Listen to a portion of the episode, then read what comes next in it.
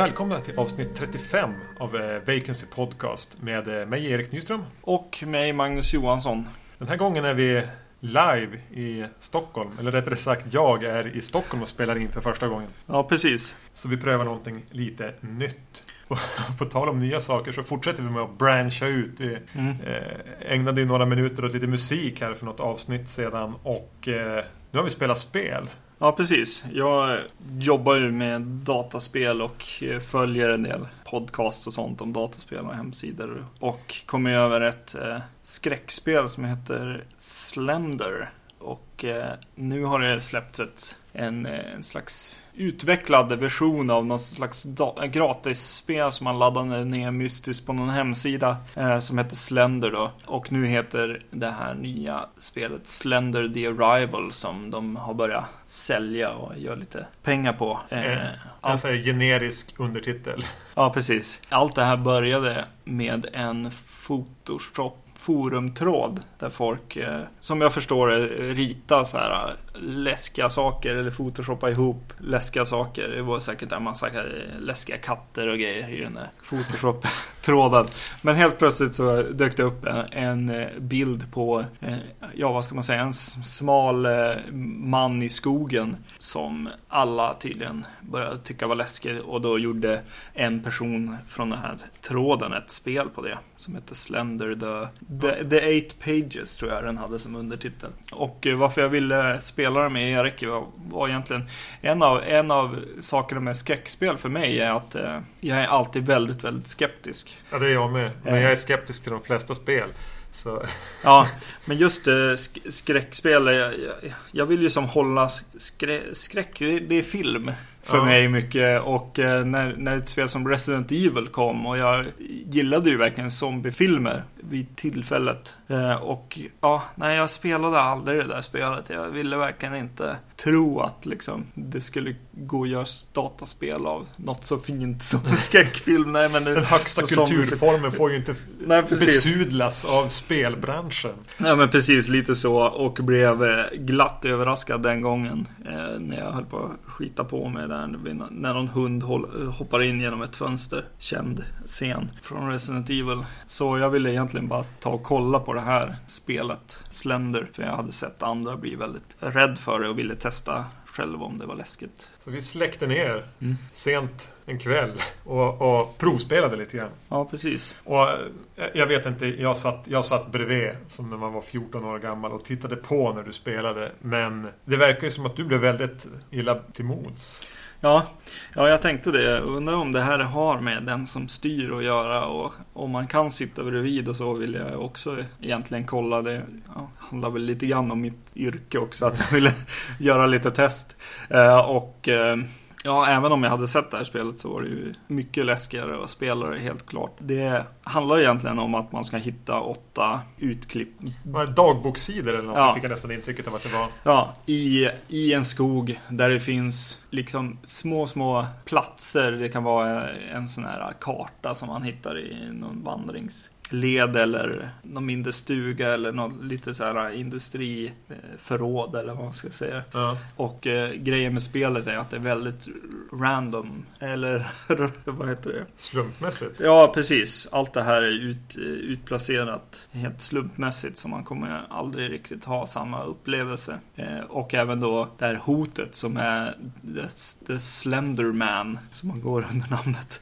Som eh, ja, spelet går ut på att man inte ska titta på honom Mm. allt för länge för då blir det game over. Om man börjar om från början och söka efter de här sidorna. Ja, och så skakar det till och sånt där när han är i närheten. Och man får också viss stämning i ett... Man är inne i ett hus och tittar runt. Och så, ett hus som, som från början känns ganska hemtrevligt tyckte jag i alla fall. När jag spelade. Och så sen när, det, när man fick en ficklampa kändes det som att det blev så, så mycket mörkare i huset. Eh, utan att man, att man kände av riktigt när den övergången Eh, gjordes. Så jag vet att jag sa flera gånger, det, det är så mörkt, varför är det så mörkt här? Så här. Eh, Ja, men du upplevde inget, inget obehag i, i huset här i början till exempel. Nej. Det var väl möjligtvis att det blev så smal ljuskägla, alltså litet fält man lyste upp att det skulle kunna. Men jag kände samtidigt aldrig att jag var rädd för vad som skulle kunna finnas utanför. För nu hade det, hela den här hypen, du hade ju berättat den här storyn om att man, någon hade photoshopat det obehagligaste de kunde tänka sig. Hela hypen för mig blev liksom att den ska vara så vansinnigt obehaglig så jag tänkte att det kan ju inte vara det. Nej, just det. Och samtidigt eftersom jag mer satt bara och tittade på blev som en tredje part så blev det aldrig speciellt läskigt. Och sen, som jag sa, jag är ju en ganska stor spelskeptiker. Eh, Framförallt när det blir skräckspel eftersom de alltid har en tendens att slå över och bli actionspel. Mm. Och då dör ju allting på en gång. Liksom att man tar, då ska man vara den här vanliga killen eller vanliga eh, kvinnan som helt plötsligt plockar upp ett hagelgevär och börjar skjuta Mm. zombies eller, eller vad det nu är. Då, då, då, då, är det ing, då försvinner ju all möjlighet till spänning eller stämning. Och lite grann här blev det liksom när jag förstod att vänta nu, man kan ju dö i det här spelet. Mm. Och sen börja om. Ja, just det. Hur läskigt är det? Ja, där dog jag. Ja, men jag laddar det jag hade sparat. Då är det ju ingen skräck längre. Då är det trial and error. Eh, och sen naturligtvis så såg han ju inte speciellt läskig ut. Nej. Han kändes som att han hade rymt från någon av, vad heter de, de som har gjort så-filmerna? Ja, just det. Eller Insidious. Han såg Mm. ut som någonting med någon smal, tunn snubbe med kostym. Ja. Verkligen den, den estetiken av skräck. Väldigt, fast väldigt eh, animerad. Ja, för mig var det ju inte honom förutom vid något, något tillfälle där han stod bakom en dörr där han tydligt var mycket högre än dörren. var lång. Ja, han var alldeles för lång. Och jag vet inte ens om jag såg att han hade fötterna i marken under dörren. Så det, ja, det, det blev lite läskigt för mig. Och så, och så var det att jag gick omkring och så, och så spelade de fotsteg runt omkring liksom, som inte hörde till mina rörelser att göra. Som, jag vet inte om du kanske det inte uppfattade det, för jag, jag blev väldigt så här, nej, nej, Eh, i vissa tillfällen. Så här, och eh, nej, så man kanske ska eh, köra det här spelet. eh, Jag tror man ska spela det ensam, precis. Ja. Eh, Inte, ha, inte ha mig bredvid. Nej, precis. Och eh, ja, nej, det blir nej, ganska jobbigt när det börjar skaka och sådär. Ett tillfälle var ju lite kul också. Det jag i princip var så här, eh, blev skräckfilms liksom. Ja, du flydde i panik och sa jag vänder mig om. Ja, nu vänder jag mig om sa jag. Och så stod han ju förstås rakt bakom mig. Ja, det var lite roligt. Ja. Ja, ja. Om man tycker att det här låter intressant så kan man eh, ja, googla Slender The Arrival så kommer man att hitta en hemsida. Eh, det kostar ungefär 98 spänn någonting sånt där. En hundralapp. Ja. Kommer du att spela det igen? ja, jag kommer nog vilja se vad som är härnäst. För det som finns i det här spelet är att det finns fem eller var det sex kapitel där det här eh, söka de här papperslapparna är egentligen grundspelet, Mm. grundkonceptet. Sen är det ju intressant att se vad de, vart de tar det. Vilket tydligen inte är enligt recensenter och sånt så jäkla intressant. Alltså att den tappar ju. Är det för mycket story? Det är lite, ja, nej det är bara för långt helt enkelt. Ja. För det är bara gå omkring, plocka upp lappen, gå omkring, lys, spring. Det finns inte så mycket mekaniker alltså, som gör spelet mer och mer intressant över tid utan det är mer en upplevelse. Vill ni spara den där hundralappen kan ni göra som jag gjorde och, bildgoogla Slender Man om ni vill se hur han ser ut. Just det. Ehm, men Jag, vi, jag tycker nog inte att det är det som är det int- intressanta här i, i och för sig. Utan, utan att det är just den här ljudbilden och det här, jag går runt i total mörker. Och, ska man kanske spela det med lurar också? ja, det är nog en väldigt bra idé. Ja. Eh, yes. Franco. Ja, precis. Vi kommer att eh, ta upp eh, Jess Franco-filmer i det här avsnittet eftersom att han har ju gått och dött. Ja, ganska nyligen. I alla fall när vi spelar in det här så var det ungefär en vecka sedan vi nåddes av nyheten att Mm. Jess Franco hade gått bort vid en ålder. Han var drygt 80 i alla fall. Så det var väl kanske inte så oväntat Nej. heller. Eh, så, så vi slängde ihop det här avsnittet. Eller rättare sagt, jag tog med mig. Jag skrev ett sms och sa vi kanske borde uppmärksamma det. Så plockade jag två Mm. Jess Franco-filmer ur hyllan som jag inte hade sett. Just det. Det är alltså Succubus. Från 1968. Ja. Och eh, en eh, Jack the Ripper-film från 1976. Ja, precis. För de som inte riktigt vet vem Jess Franco är så var han en eh, regissör som dök upp i Spanien på 60-talet och började göra skräckfilm. Och eh, egentligen eh, lite exploitation-film. Han, han lämnade ganska snabbt Spanien eftersom han upplevde att han inte riktigt fick ta ut svängarna så mycket som han ville. Han blev hårt censurerad. Flyttade först till Tyskland. Det var där han gjorde Succubus och även Jack the Ripper gjorde i Tyskland. Och Mm. även var det bosatt i Frankrike. Men eh, i takt med att åren gick eh, under 70-talet så gled han mer och mer bort från skräckfilm eller ja, den typ av film han gjorde och hamnade mer och mer i, i porrens värld.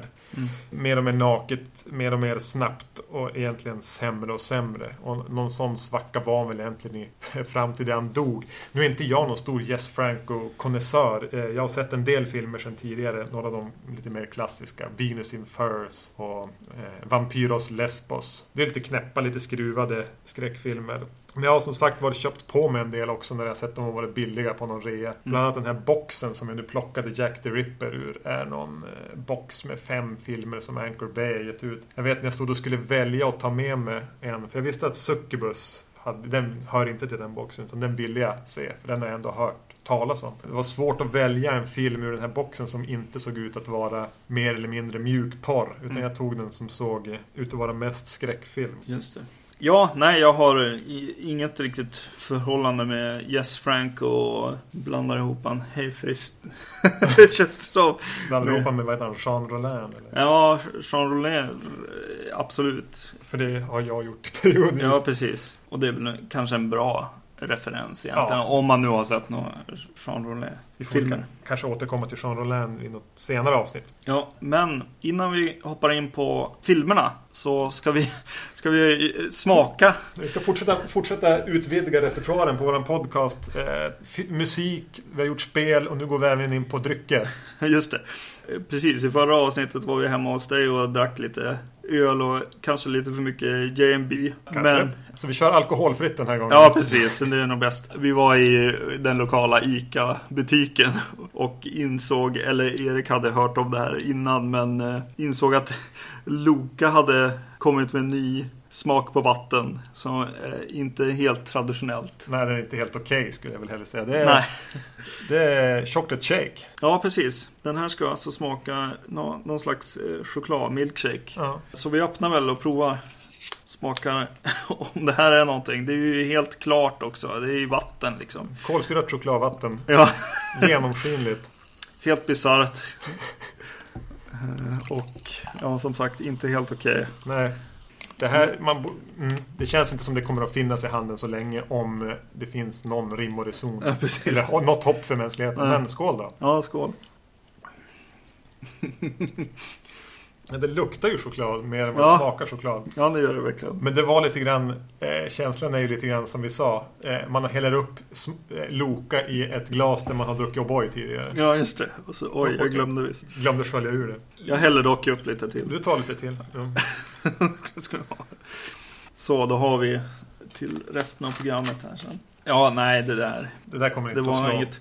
Jag var lite nervös att det skulle, eh, skulle verkligen smaka så här chokladmilkshake och att man, eh, man skulle dricka vatten istället för att äta och helt plötsligt ligga död på marken. Eh, Men så hemskt var det inte. Nej, det, Så, var, så hemskt gott var det inte. det Eh, luktar väldigt mycket choklad men det Mm. smakar ganska mycket, ja, som vi beskrev det. Ja, Men vi ska sluta älta drycker. Ja. Succubus. Ska vi singla slant om vem som ska eh, kortfattat beskriva handlingen? ja eh, oj det blev du.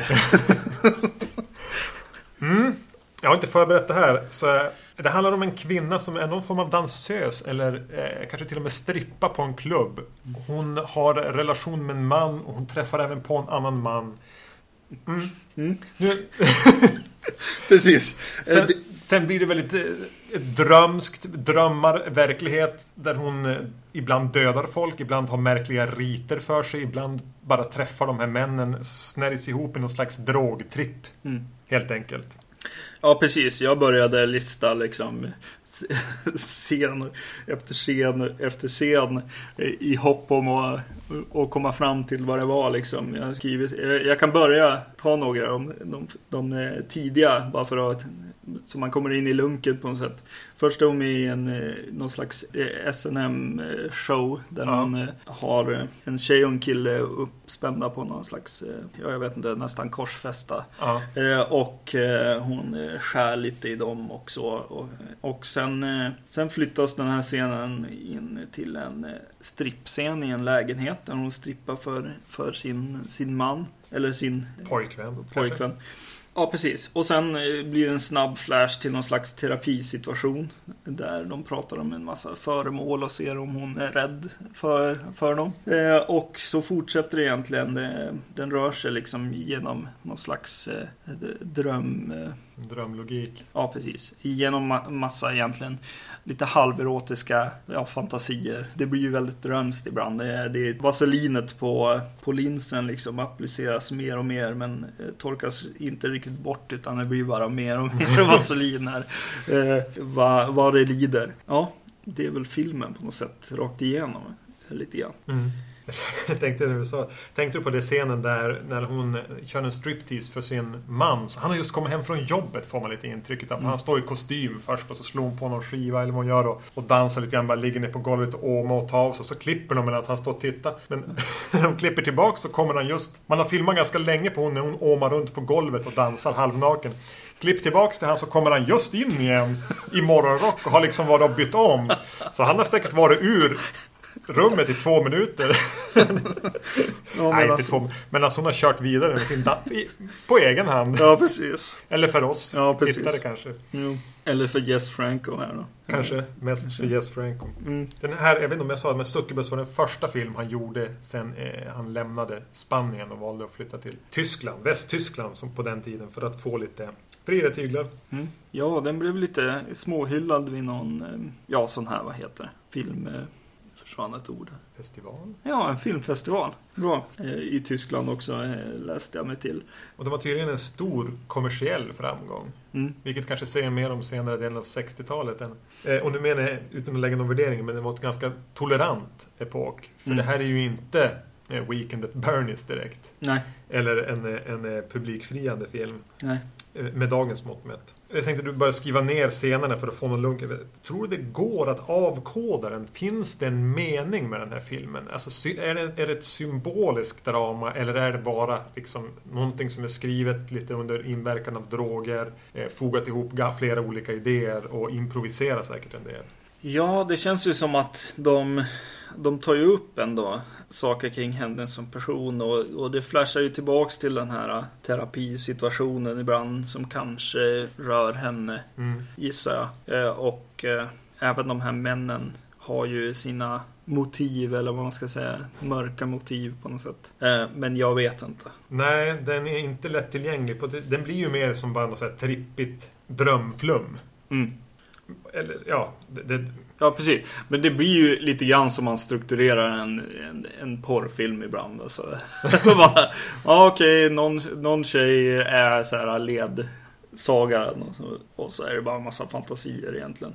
Nu, nu känns det inte riktigt så i den här. Det känns som att den rör på sig ändå. ja, Det känns som att... att den eh, eskalerar ju ändå. Ja, precis. Och att den... eh, Ja, precis. Det känns som det finns någonting där som han vill säga. Men han vill också titta på kvinnor. Ja, och han vill eh, liksom bara leka. Alltså det är ganska mycket pop, alltså det blev förvånande hur mycket populärkulturella referenser Mm. det var. De sitter och kör några associationslekar och då droppar de liksom Godard, Mm. eh, Capote nämns och Rolling Stones. Alltså sånt som var i ropet andra halvan av 60-talet. Och de Mm. pratar om filmmonster och Godzilla, alltså de visar några figurer. Ja, jag tyckte en, en, en scen som jag tyckte faktiskt var den bästa i filmen.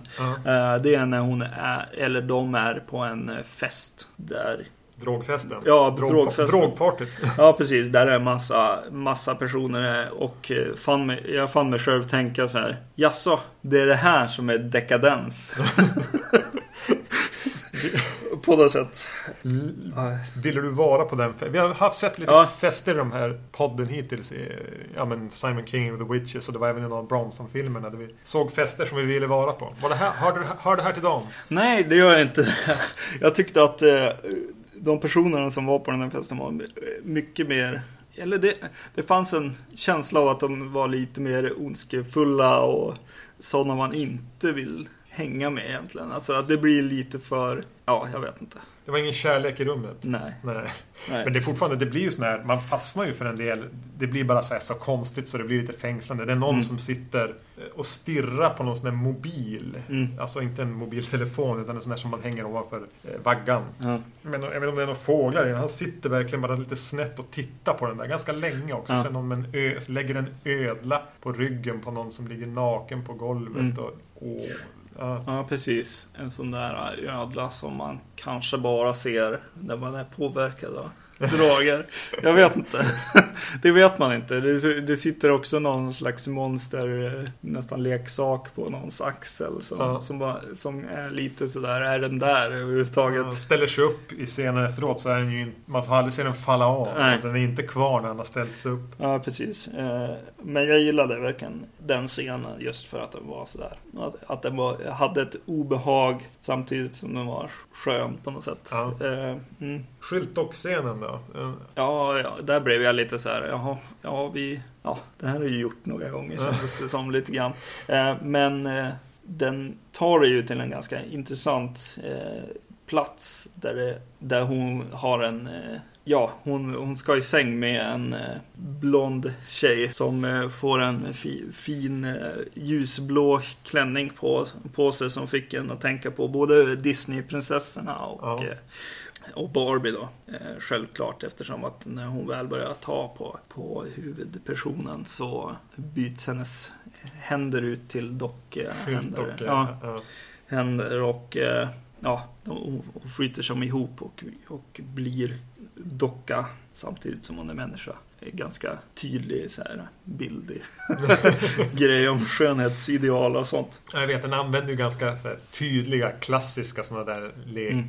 lekar man kan göra och man kan förvänta sig nästan. På något sätt blir den ju nästan förutsägbar i den här drömsk-trippigheten. Ja, men med skyltdockor och med knivsymboler och, och eh, kanske det att allting är en loop, att den nästan börjar, slutar där den börjar om eller kanske inte. Och, Mm. Alltså den, är, den, den, den känns inte som att den har någon jätteimpact, som att den är unik på något vis. Nej. Den känns nästan som en, en i raden av såna här filmer. Som säkert, säkerligen, nu kan jag inte säga att jag kan säga att det är snott från den och den filmen. Men det känns som att den lånar väldigt friskt från andra liknande filmer. Mm. Den känns som ett, som ett, som ett litet ihopkok av Ja. andras idéer. Mm. Och om man ska jämföra, eh, jag satt ju hela tiden och jämförde med, med något jag kunde relatera till, vilket är att jag har sett i alla fall ett par eller tre eh, Jean Rollin-filmer Ja. och den- här var ju emot för nästa film eh, ja, tydligast kopplad till den stilen av, av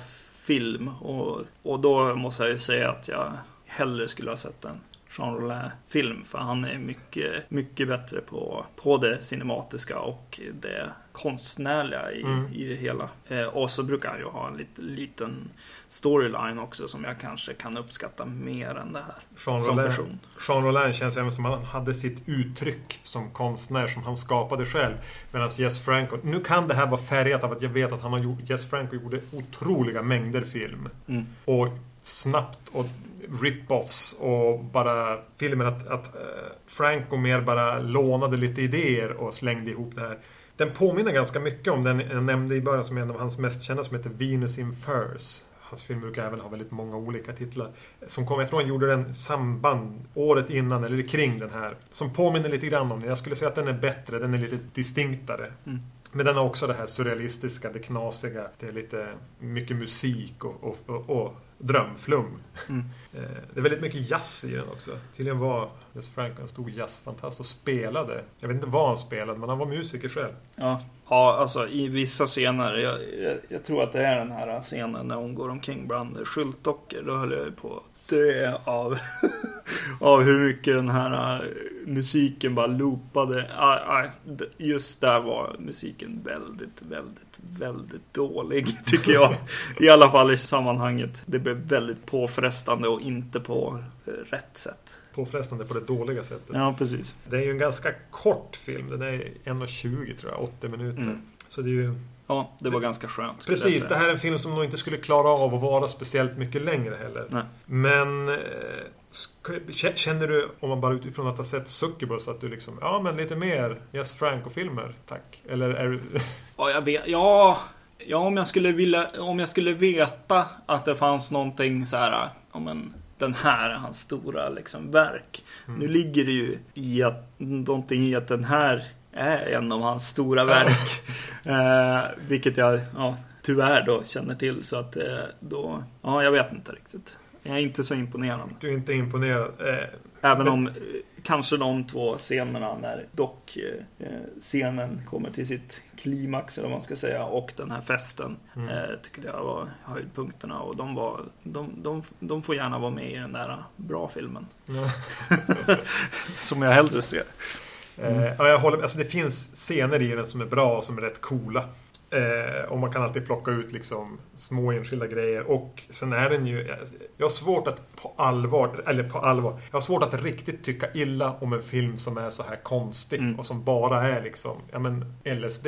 Ja, precis. Så hamnar den på något sätt på en nivå där den är svår att bedöma. Ja, jo, men det kan jag hålla med om och eh, det tycker jag kommer in på nästa film egentligen. Att eh, där, där finns det något att bedöma. Mm. Vilket är spännande att ställa de här eh, mot varandra sen efter det här. Eh, och då får du fråga igen vad Ja. jag tyckte om de här två filmerna. Ja, jag tror vi kan släppa Succubus Mm. och gå vidare till eh, Jack the Ripper. Och eftersom eh, jag nu förlorade slantsingling, slantsinglingen om eh, Succubus så får du berätta vad Jack the Ripper handlar om.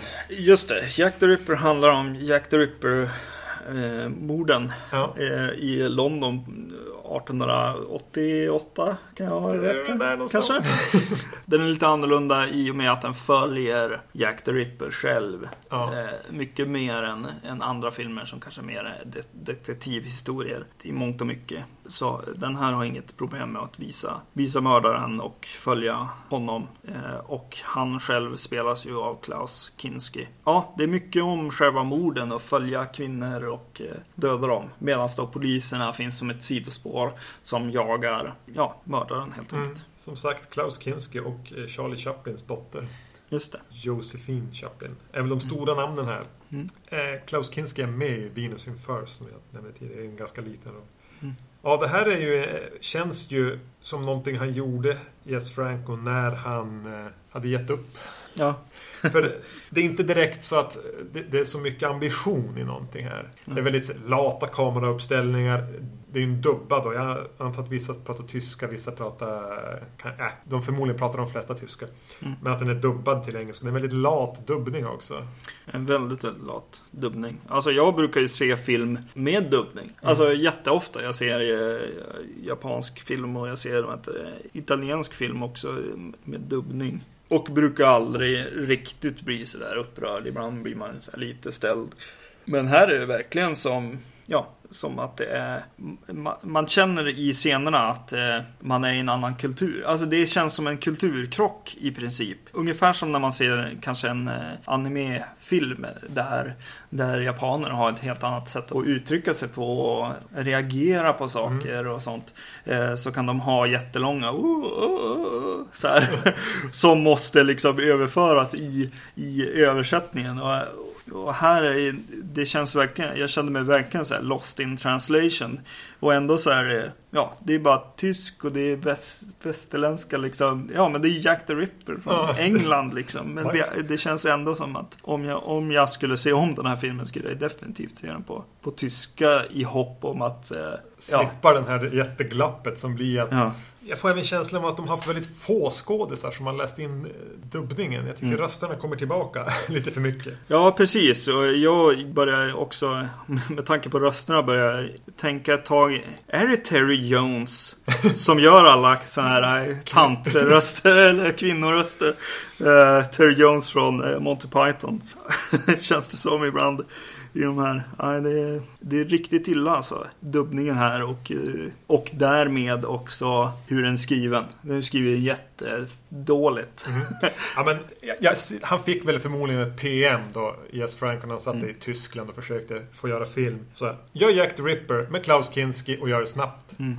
Ha, börja skriv då. Ja, Eh, precis. Det man kan ge den är att, att den, den, ger ju, den ger ju blanka fan i Jack the Ripper som det man faktiskt vet om han eller i, i andra berättelser om han eller teorier som har kommit fram. Den här kör ju helt ett eget race. Mm. Det kan man väl ge en lite, lite cred för. Ja, precis. Om man inte vet vem det är, då, då är det lika bra att hit, hitta på något.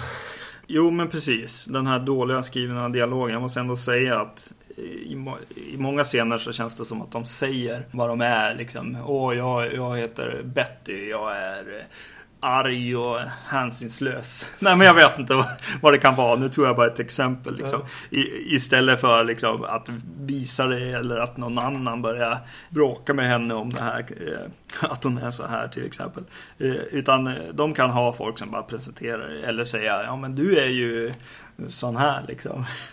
åt varandra. Ett exempel är när han, han kommer hem sent på natten eller tidigt på morgonen och eh, det är en kvinna där som... Eh, han har väl någon slags kvinnlig hyresvärdinna? Precis. Och hon säger Du har varit ute hela natten, det måste vara jättejobbigt. Säger hon. När, när, när han kommer hem. Istället för att eller nej, du har varit ute på hembesök hela natten. Det måste ha varit jättejobbigt för dig. Eller något sånt säger mm. hon. Vilket är jättekonstigt för mig. Istället skulle hon bara öppna sin port och sagt Vart har du varit hela natten? Och så säger han Jag har varit ute på, på hembesök och så säger hon kanske Åh vad tråkigt. Det måste vara jobbigt. Förlåt att jag stör. Ja. Nej, det är... Man skulle väl kunna säga att det är en väldigt ekonomisk dialog. Ja, ja precis. Jo, men det är det ju. Eh, det är en kamera-shot och det är en dialog. Mm, istället för tre. hela scenen. Ja, precis. Och det, mm. Och det känner jag av också i början av, framförallt i början av filmen, att den, den är väldigt ekonomisk. Eller den skyndar sig fram. Ja, eh, jag, jag i vissa hinner, fall. Ja, jag hinner inte snappa upp några karaktär. Åh, oh, det här är en karaktär. Och kanske lite spännande karaktär till och med. Eh, han, bo, eller han, han levererar sina offer till en kvinna. Mm. Jag förstod aldrig riktigt deras relation till varandra. Nej, det vet man inte. Eh, och eh, till viss del tänkte jag, ja men här står de ju massa liksom mysterium och eh, Ja, jag, jag, kommer säkert få liksom bitar allt eftersom lite mm. mer och mer av, av den här relationen eller till eller ja, vad de gör med kropparna. Eller, eh, det är lite, lite känsla av vad, vad ska hon använda kropparna Precis, till. Precis, håller hon på med något experiment eller är det någon Frankenstein-grej? Man får mycket sådana där tankar. Men mm. nej, det släpper man ganska snabbt. Man får mm aldrig riktigt veta vem hon är över, överhuvudtaget. Men samtidigt, precis, och så stressar den vidare och visar lite andra grejer. Men sen får vi ett par långa, långa polisförhör, alltså scener när det är bland annat en blind man som blir ett väldigt viktigt vittne. För han, eh, han eh, han känner ju lukten. Planter oh, oj, som de planterar liksom. Vad viktigt det är att han känner igen. Eh, för det luktade som en krydda som jag minns från Indien. Det var en annan och det där och jag vet precis hur det är. Och så frågar de han någonting och någon annan fyller i med en annan fråga. Mm. Eh, de har som samlat flera vittnen på samma ställe och har typ en lång så här, session när de sitter och pratar igenom det de vet. Och det tar, den är oändlig den scenen. Ja. Utan att speciellt mycket information kommer fram. Ja, precis. Och den här eh, blinda mannen genom att eh, do, ha känt doften av Jack the Ripper kan också liksom bestämma hur hans karaktär är och vilka problem. Alltså han är en, en, en CIA-profiler eller ja, ja. FBI-profiler i princip. Eh, bara på doft och, och det faktum att han själv har legat i krig tillfälle. Mm. Mm. Och det förklarar han naturligtvis i en enda lång dialog. Eller monolog. Mm. På tal om, liksom, alltså, som du säger, den är inte, det är inte en så genomtänkt manusarbete utan det känns verkligen mycket som är skrivet i, i ett, i ett sjok. Liksom. Det här är storyn jag vill berätta ungefär. Mm. Det är som ett filmat utkast. Men liksom det du säger om, om, om, om dialogerna, de kallar ju även någon i affekt That crazy lunatic. Mm. Ja, det är fantastiskt bra. Vi hoppar in i några scener. Det finns en mm. scen som jag tycker var ganska bra. Eller åtminstone det bästa i, sammanhang, i sammanhanget. Och eh, för mig så var det scenen med pianisten som sitter och klinkar eller spelar en väldigt vacker melodi på ett mm. piano. Mm. Och så är det en ballerina där som övar eh, dans då. Och eh, sen så kommer, de, kommer hon närmare honom och de har en dialog tillsammans medan han spelar den här vackra musiken. Bara det som grepp kändes väldigt mysigt kanske mest ambitiösa scenen. Ja, precis. Att folk gjorde flera saker i den. Mm. Annars så var nog min favoritscen när Dr. Klaus Kinski opererar en av sina klienter med en pincett. Ja, just det. Det kommer in och är också så här... Har ingenting med handlingen att göra, men han är ju, han är ju läkare. Mm. Eh, Jack the Ripper. Så han har någon som kommer in på något slags återbesök som har en stor, inte helt illa gjord böld på benet rent Mm. effektmässigt. Och han eh, går loss på den med en pin- pincett och liksom bara sliter och drar och det läk var och blod. Som en hemmaoperation. Verkligen sån här som man inte ska göra. Precis. Ja, nej. Absolut. Det finns också någon scen till i, i, i scenen i skogen. I dimman är väl första gången egentligen filmen försöker sig på något slags cinematiskt grepp. Ja, mm. Det funkar inte riktigt, men det är... en- Det är i alla fall en ambition. I övrigt Ja. ser den ganska mycket ut som, eh, alltså, fortsätter med brittiska serier här. Fawlty Towers när de är utomhus i Fawlty Towers. Lite den känslan är det väl ganska många scener. Det är inte så bländande visuellt. Eh, och man får lite så här känslan av att de ofta har använt första tagningen. Mm. Eh, den slutar ju väldigt, väldigt otäckt egentligen. I alla fall som koncept och ja, nej. Ganska obehagligt på något sätt. Ja, mm. Slutet är inte helt värdelöst i det, i det avseendet. Nej, just det. Att det, Mm. Filmen har också nog kanske den tamaste kattscaren i filmhistorien. vet du, jag, jag, eh, jag har glömt den. Ja, nej. Det är någon som så här, är i ett hus, tittar ner lite snett neråt eh, och får de här stora ögonen och är lite rädd helt enkelt. Nästan som att hon har sett ett lik eller någonting. Och så klipper de tillbaka och så är det en katt som sitter på en liten bänk. Okej. Nej, det var Du saknar den där katten som blev våldsamt inkastad i en eh, bänk i någon av fredagen den 13 filmerna. Absolut. Men eh, vad tyckte du om Klaus Kinski då? Ja. Han är ju som rolig att titta på. Men han är ju det. Det Ja. precis det jag... Det räcker ju liksom att han kliver in, för han är ju så pass karismatisk på något Mm. vis i sin uppsyn att man tittar ju alltid på honom och man vill som fortsätta titta på honom. Mm. Så han kommer ju långt bara med det och han, han har ju inte direkt gått in med liv och lust i den här produktionen. Nej. Utan han promenerar ju genom scenerna. Men det... Precis, man... Ja, tacka gudarna att han har Klaus Kinski med sig. på något sätt. Eh, Ja.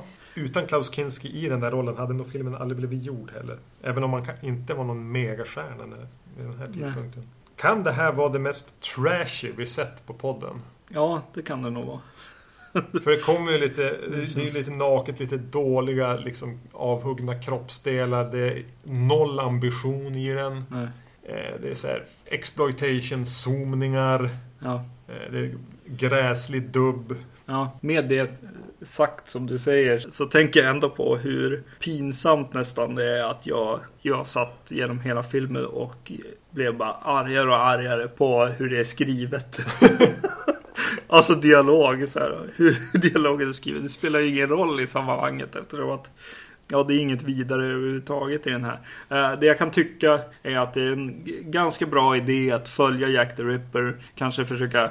Ja, man kunde ha gjort det på ett helt annat sätt och få det lite mer intressant att, att följa Jack the Ripper. Kanske ha ännu mer plågoandar och Mm. liksom göra han till den seriemördare han ändå eh, var. Så liksom på idéstadiet så kan jag tycka att den är ganska, ganska bra och, och, och, och gå bort lite grann från liksom följa poliser som blåser visselpipor. Ja. Nej, inte. Så en bättre film med samma liksom, fokus skulle säkert ha varit bra. Så länge Även, även just den här grejen att det blir lite så här ja, slis eller lite över... Överslise behöver ju inte vara någonting negativt. Nej, precis. Och inte i det här sammanhanget. Nej, inte i det här sammanhanget som sagt. Nej. Jag satt och såg här nu eh, för någon dag sedan när du var och jobbade, pratade lite grann om det, så såg jag Hunger Games. Mm. Bara för att hänga med i populärkulturella svängen. Och den sa jag, den hade ju mått bra att vara lite mer så här. Ja, just det. Mm. Då hade den blivit intressantare. Jag tror att vi båda eh, saknade någon, eh, för en gångs skull saknade någon slags sexscen i den filmen. Hunger Games alltså. Ja, precis. Känner du dig redo att jämföra Jack the Ripper med Succubus nu? Mm. Jag ska säga att vi såg den här i, vi såg de här i två i, i omvänd ordning. Ja, vi såg Jack the Ripper först helt enkelt och Succubus efter det. Jack the Ripper gjorde mig riktigt rädd för att orka med och se mer, liksom, mer av Jess Franco överhuvudtaget. Så när du ställde den frågan var lite mer riktad åt den här filmen tycker jag nog. För när jag hade sett den här så var svaret definitivt nej. Men eh, Succubus är definitivt långt mycket mer intressant än eh, Jack the Ripper. Och en film som man kommer in i också. Först är det lite så här, man ska det vara någon slags mjukporrsfilm den här Succubus.